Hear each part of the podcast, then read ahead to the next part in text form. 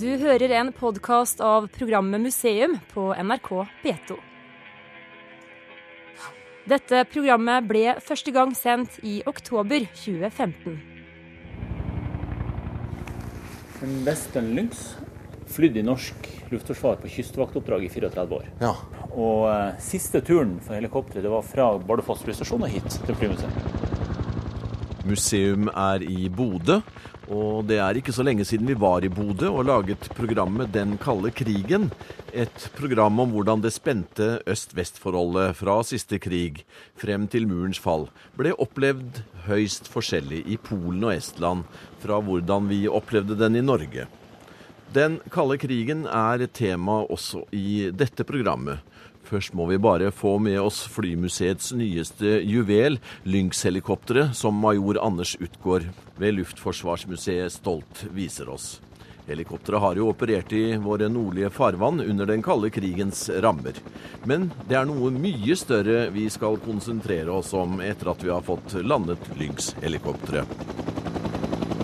Vi hadde jo en festdag. Ja. Men eh, nei, karene landa jo her borte, og de eh, kom inn, og vi hadde en eh, sang, eh, en liten sanggruppe, og vi hadde kake, og vi hadde full, full feiring. Så de var det litt, skal vi si, de hadde nesten tår i øyekroken, de som fløy. Ja, det vil jeg tro. Men vi syns jo det er flott. Så det er museets eh, siste ervervelse, det her da. Ja, det er det. Men Lynx, det skal overtas av noen. Nå er det bestemt Ja da, de hvilket har- de har- helikopter de har som skal overta. Ja da, det var jo en rekke utsettelser, men nå har de kommet, begynt å komme, de helikoptrene som skal overta. og De heter da NH90. Ja. Så de er i drift i dag. Ja, og det er veldig lenge til de kommer på museum. Ja, det er det. Men vi har plass. Skal du ta oss nå Nå skal vi kjøre inn på Bodø hovedflystasjon, som er vår nærmeste nabo. Ja, Og 500 meter fra flymuseet så ligger det et underjordisk hangaranlegg på mange tusen kvadratmeter. Eh, atomsikkert, eh, hvor den ene av flystasjonens to skvadroner eh, hadde sitt operative si, tilholdssted Ja. gjennom den kalde krigen. riktig. Og tankegangen der var at eh, ble det krig, så ville Bodø bli fullstendig ødelagt av sovjetiske atomvåpen. Men én skvadron, eh, 18 fly, ville overleve inne i dette anlegget. Der kunne de vente til støvet har lagt seg, og så kunne de fly ut og forsøke å hindre russerne i å komme videre sørover. Det var tankegangen. Da drar vi dit. Det Da blir spennende. Yes.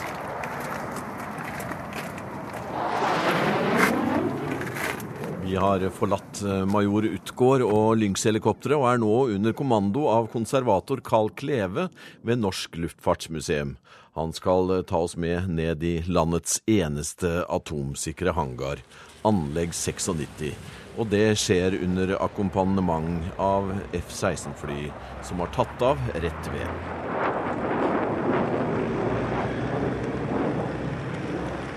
Nå kjører vi inn i den såkalte fortunnelen, eh, som går da tvers gjennom Hangåsen.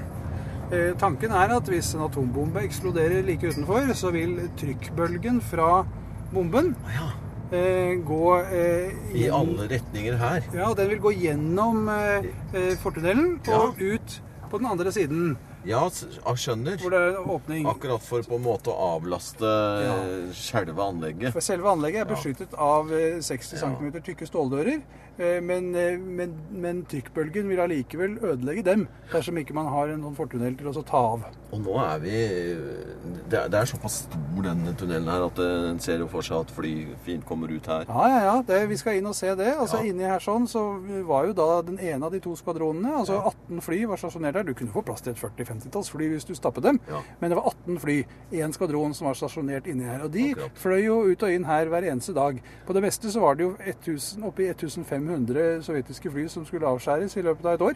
Eh, og da fikk jo disse flyene nok å gjøre. Ja, det var noen om dagen, det. Men eh, det skal bli spennende å se. Ja. Det er jo Ja. mye kaldere der inne nå enn det var da kortene var operative. Men du merker fortsatt at det er enda kaldere her. Det er det. Her blir det Her får du trekken igjennom. Ja. Hjelm, ja. Skal vi se. Hvis du greier. Det ser vel fint ut det her, tenker jeg. Ja, ja, det, I 99,99 ,99 av tilfellene så går det bra. Ja. Men fordi at dette anlegget ikke er i bruk, Ja. det blir ikke skikkelig vedlikeholdt, eh, så drysser det litt fra taket. Så og så skal jeg ha med lommelykt, fordi at Forsvarsbygg vedlikeholder heller ikke ordentlig i forhold til strøm og, og sikring. og sånn. Så innimellom så vil vi finne sikringer som er godt, som ikke jeg kan skifte. Fordi at de rett og slett er fra 1960. Jeg vil også vise deg disse her dørene. Ja, de veldig tjukke dørene du snakker om. Yes, yes. Du kan eh, Her. Se der, ja. Ja. Hjelpe meg, du. Opprinnelig så var eh, Nå ser vi på den ene av fire dører. Akkurat. Stålporter, 60 cm tykke. De går en meter ned i, i gulvet, Ja. eh, og også ganske høyt oppe. Det er altså da De har vel en størrelse Hver av de dørene har en størrelse på en ni meters høyde Ah, og en eh, skal vi se, 8,5 meters bredde. riktig. Eh, og det er fire av dem. Og det er massivt. Eh, nei, de er Nei. ikke helt massive. Vi skal Nei. gå inn og se. Vi er fortsatt utenfor selve porten til hangaren, men likevel under bakken i en tverrgående tunnel. Ingen skal være i tvil om at konservator Carl Kleve ønsker anlegget fredet, slik at museet kan dra nytte av det. Det som var et topp hemmelig og Norges kraftigste våpen mot fienden i øst, må sikres for ettertiden. Men han eh, kjemper i motvind. Nå skal vi snart inn i selve anlegget og få se det med egne øyne. Hvilken vei eh, gikk de? Ja, det Ja, altså på, Når disse er i bruk, så eh, Når døren skal lukkes, så vil alarmen gå. Ja. Det vil være et lys, et rødt lys som Ja. lyser. Og så vil gulvet vi står på, heve seg. Og så siger ståldørene sakte igjen. Og så skjer det motsatte når man skal lukke det igjen. Da går ståldørene opp, eh, eller når de skal lukkes opp, ståldørene åpner seg. Eh, eh, gulvet senker seg ned igjen, sånn at du kan kjøre over. Hele gulvet som du står på nå, og videre innover anlegget, står på stålfjærer. Slik at når atombomben faller, så vil allikevel alt som er inne her, vil ikke riste i stykker. Så hele dette her flyter på disse fjærene. Utrolig, altså. Så her har man bygget et anlegg. Her har man hulet ut 10 000 kvadratmeter og der omkring. Og så har man eh, da eh, laget et, et, et, atomsikkert anlegg inni der. Eh, vi kan titte inn her.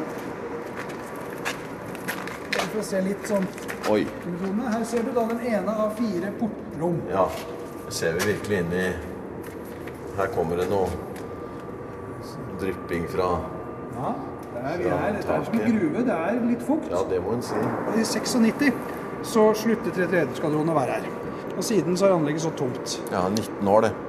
Det er 2000 og, ja, 19 år siden det var operativt, ja. Ja. Altså Forsvarsbygg har ikke skrudd av strømmen, har ikke stengt igjen, fordi at vi maser på dem at vi må vente til vi får en avklaring på det kulturhistoriske. Ja.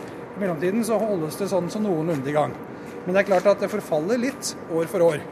Men Det- samtidig er det ikke vanskelig å restaurere. Vi har en full plan på det. Eh, både kostnader og alt sammen. Så hvis vi får go, så kan vi restaurere dette her. Eh, vise det frem som det var i all sin prakt. Vi kan bygge en utstilling inni her som viser hvordan den kalde krigen påvirket det moderne Norge. ja.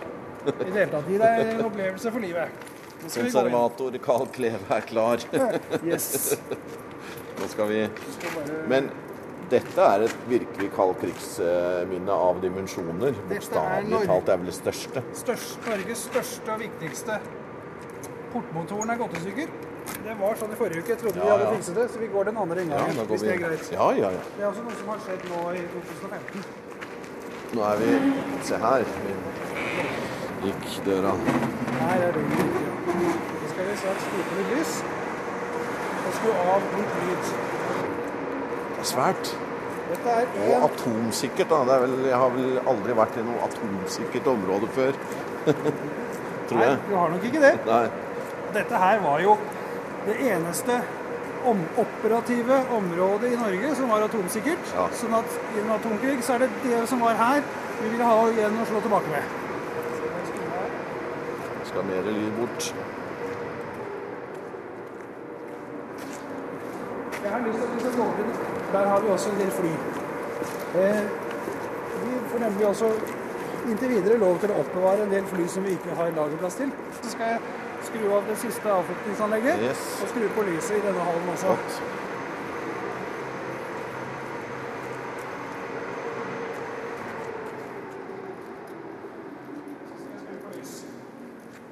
Så kan du følge med på en ting. Nå skal jeg skru på lyset i denne hallen her. Så vil du se at lyspærene her inne, de er fra 1960. Så kan du se at det går an å lage lyspærer som varer lenge. Du, du, du, du. Oh, det ble falskt stå, dessverre. Jeg traff ikke på akkorden. Har du sett? Det var en gang for mange år siden en i Bodø kommune som lurte på om kanskje de kunne ha en opera her inne i anledning Nordland musikkfestuke. Ja, hjelpe meg. For at akustikken ville være ganske fin. En ekko-opera. Ja, så jeg vet ikke helt hva man kunne Nei. hatt da. Det er mye ekko.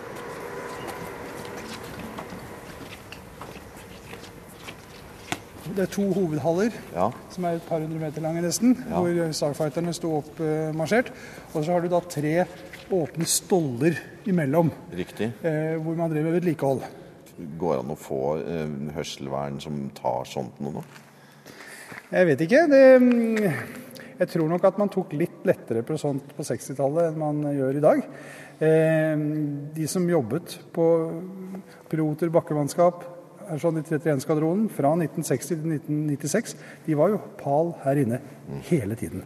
Vi har frivillige på museet, pensjonister, som hjelper oss med restaurering av fly, Ja. guiding, som har tilbrakt hele sin yrkesaktive karriere her inne. i her. Ja.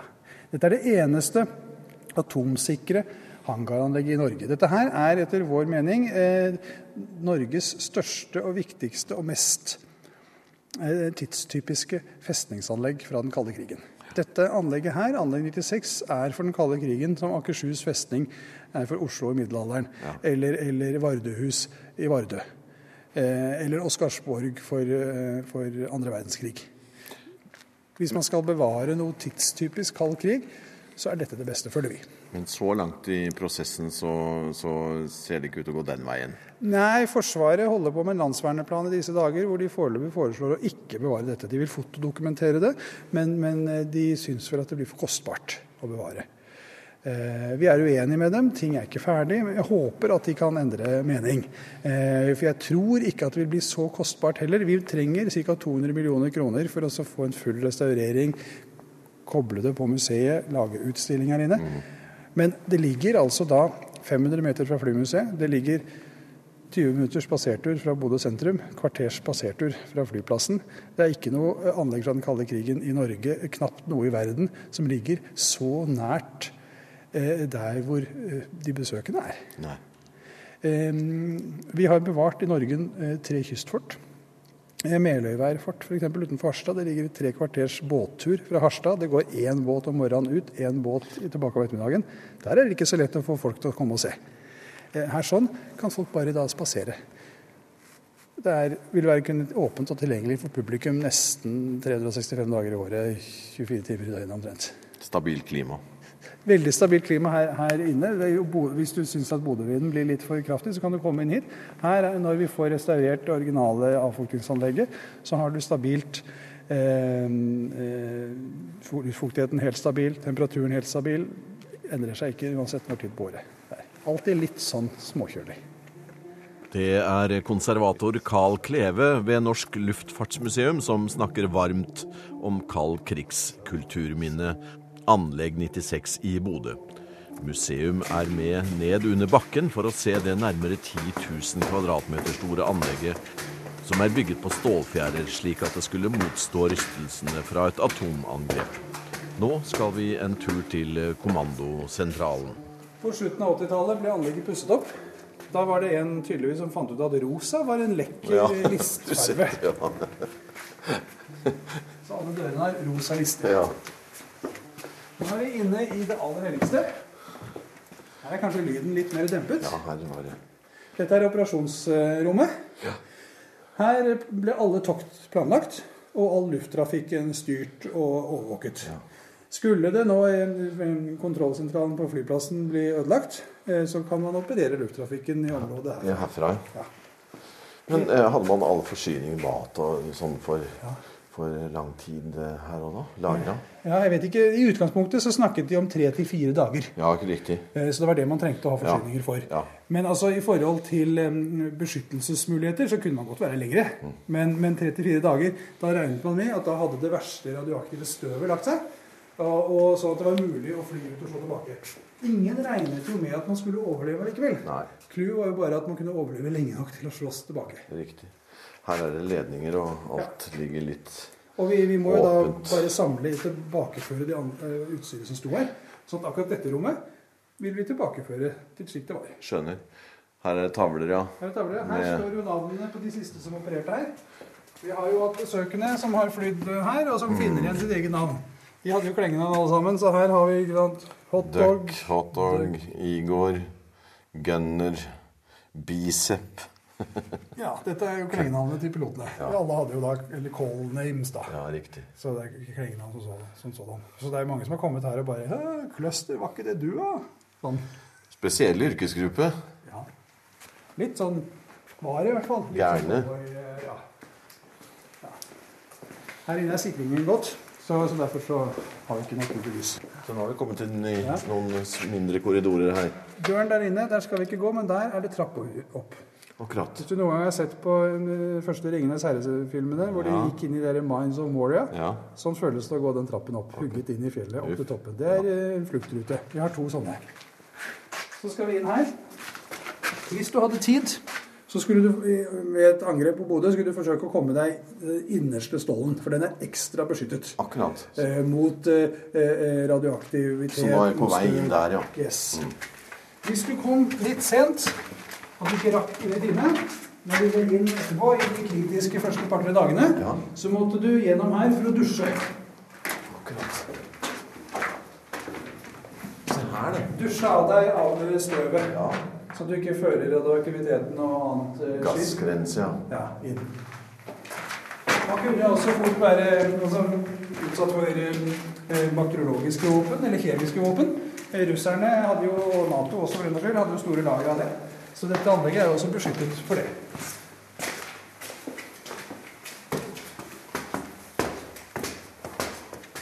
70-80 personer, ja. Som var her. Oi, her er jo flott parkett. Eh, Skikkelig ekeparkett. Nei, det er det. Ja, det. Akkurat her sånn har det stått noen, eh, noen skap en periode. Så derfor så er det litt sånn soppspor der. Men det er ikke noe farlig. Vi har hatt målinger her og sånn. Og, og vi har også hatt Riksantikvaren har jo vært der. Fordi vi er litt usikre nå, men han var her på besøk for to år siden med oss. Etter at en av hans avdelingsledere hadde vært der eh, før. Og da var han helt sånn bare Wow, dette må jo bevares. Det er ikke noe tvil om at det skal bevares. Det var liksom bare Vi tenkte at yes, it's a done deal. Men så enkelt er Så enkelt er det kanskje ikke. Prøvde en gang å simulere et atomangrep her, for å se hvordan effekt det ble. Eh, fungerer utmerket. Du kjenner trykkbølger, det rister i gulvet og forplanter seg opp. Det fungerte ganske godt, så det har vi lyst til å gjenskape her. At du plutselig så blir du, får du føle åssen det er å være Hvordan gjorde dere det? Eh, vi brukte gode basshøyttalere. Vi, det var eh, vi, vi samarbeidet med et lokalt lydfirma Ja. eh, som eh, jobber med lyd til konserter og sånn. Eh, hvor de var inne og monterte opp litt høyttalere og sånn, og så lyden av en eksplosjon. Og så brente vi det av. Så Da hørte vi atomeksplosjonen, ikke sant? og så kjente vi trykkbølgen kom gjennom gulvet, for det står jo på fjerde her. Og så opp gjennom føttene og opp. Den følelsen er sånn. Vi hadde besøk av en statssekretær for Kulturdepartementet, Lubna Jafri. Eh, Vi, hadde nemlig ikke, hun hadde så kort tid der, så derfor så fikk vi ikke vært med en runde med det anlegget. Så da tenkte jeg at vi isteden skulle gi henne en liten opplevelse. Så testet vi dette her. Og det fungerte så godt at vi gikk jo etterpå og var helt i hva. Så den opplevelsen vil vi gjerne formidle til publikum. Hva er det egentlig vi forsøkte å beskytte oss mot? Under den kalde krigen var det Starfighteren som holdt til her under bakken. Anlegget har fortsatt eh, fly stående, og de kommer både fra øst og vest. Hvis vi nå tar en eh, 10-15 minutter og bare, Ja, bare gå igjennom, flott. så får vi et litt inntrykk, og så kan vi prate litt. Her har vi en MiG- MiG-21 jagerfly. Det jagerflyet som er produsert i flest eksemplarer i verden. Det er 13 000 eksemplarer. Eh, akkurat vårt eh, jagerfly er fra Øst-Tyskland.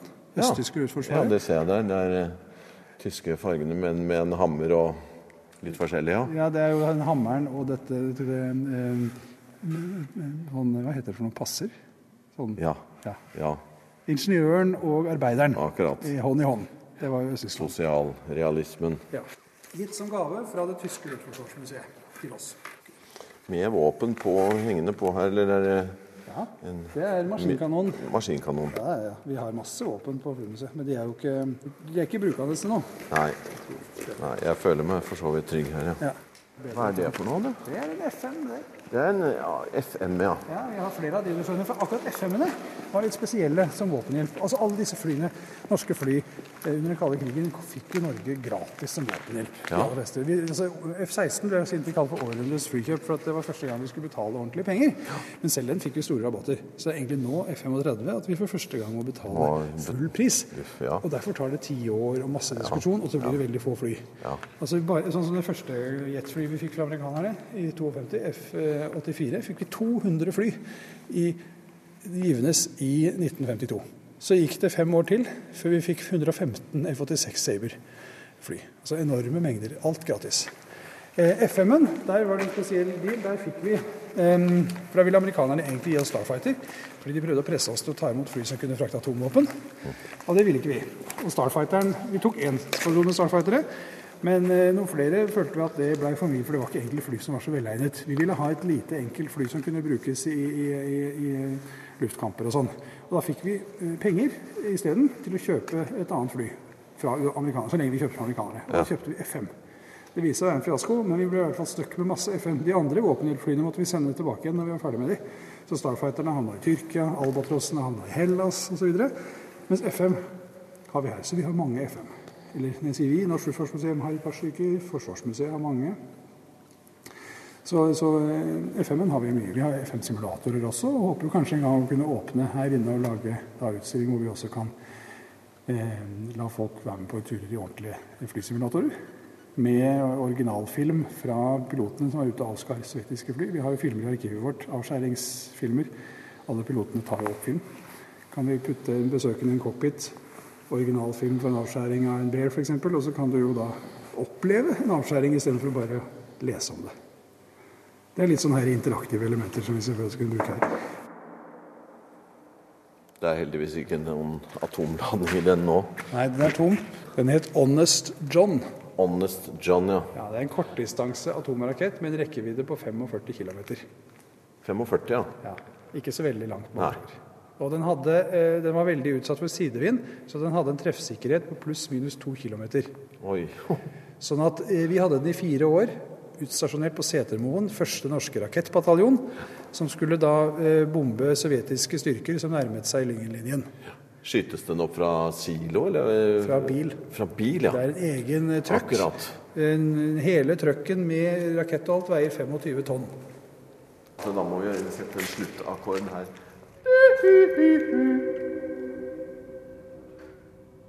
Ja, det er eh, vanskelig å ikke benytte anledningen når man er nede i et eh, så flott eh, rom med den voldsomme klangen, og en kan bare tenke seg hvordan det støya her når mange jetfly skulle ut og på tokt. Da har konservator Carl Kleve ved Norsk Luftfartsmuseum eh, vist oss eh, så å si hele anlegg eh, 96, landets eneste atomsikre flyhangar, og et minne etter den kalde krigen. Og vi har hørt eh, Kleve nærmest demonstrere hvordan museet kunne brukt dette anlegget. Konservator Kleve forteller at svenskene og også danskene er mer opptatt av kaldkrigshistorien enn det vi har vært i Norge. Svenskenes tilsynelatende nøytralitet har spilt en rolle. Derfor har også forskerne der vært eh, spesielt opptatt av eh, temaet.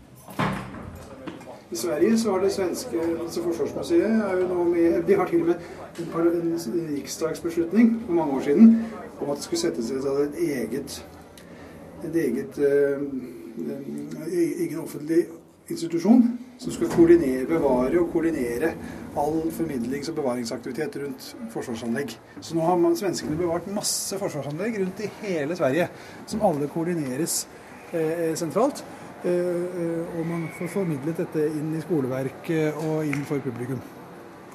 Men eh, hva kommer det av at de er mer opptatt av det enn oss, da? Det begynte nok med at forskningsmiljøet, ganske tidlig etter at muren falt, egentlig, var litt opptatt av å, å, ta tak i en del forskningsemner. For at Sverige f.eks., eh, der var det en god del forskning på slutten av 90-tallet rundt dette med svenskenes posisjon under kalde krigen. Nøytralt, samarbeide med USA, samarbeide med Norge. Altså Det kom jo frem etter hvert som dokumentet ble avgradert, så kom det jo fram mer og mer om at Sverige var jo slett ikke nøytralt i det hele tatt. Eh, mye av eh, forhåndslagrene f.eks. For i Norge var jo eh, beregnet på å skulle brukes i Sverige. Eh, svenske luftforsvaret koordinerte all sin virksomhet tett med det norske luftforsvaret. Eh, Natos angrepsplaner mot Sovjetunionen gikk jo i stor grad ut på at man skulle samles i svensk luftrom før man dro videre ut. Så at alle disse tingene var man opptatt av. I Danmark så fikk man det samme. sånn at forskning, Store forskningsprosjekter fokuserte på dette. Og dermed så ble det en del av folks dagligtale, en del av folks bevissthet. Mens i Norge så kom man aldri dit. Du har nå hørt en podkast av programmet Museum fra NRK P2.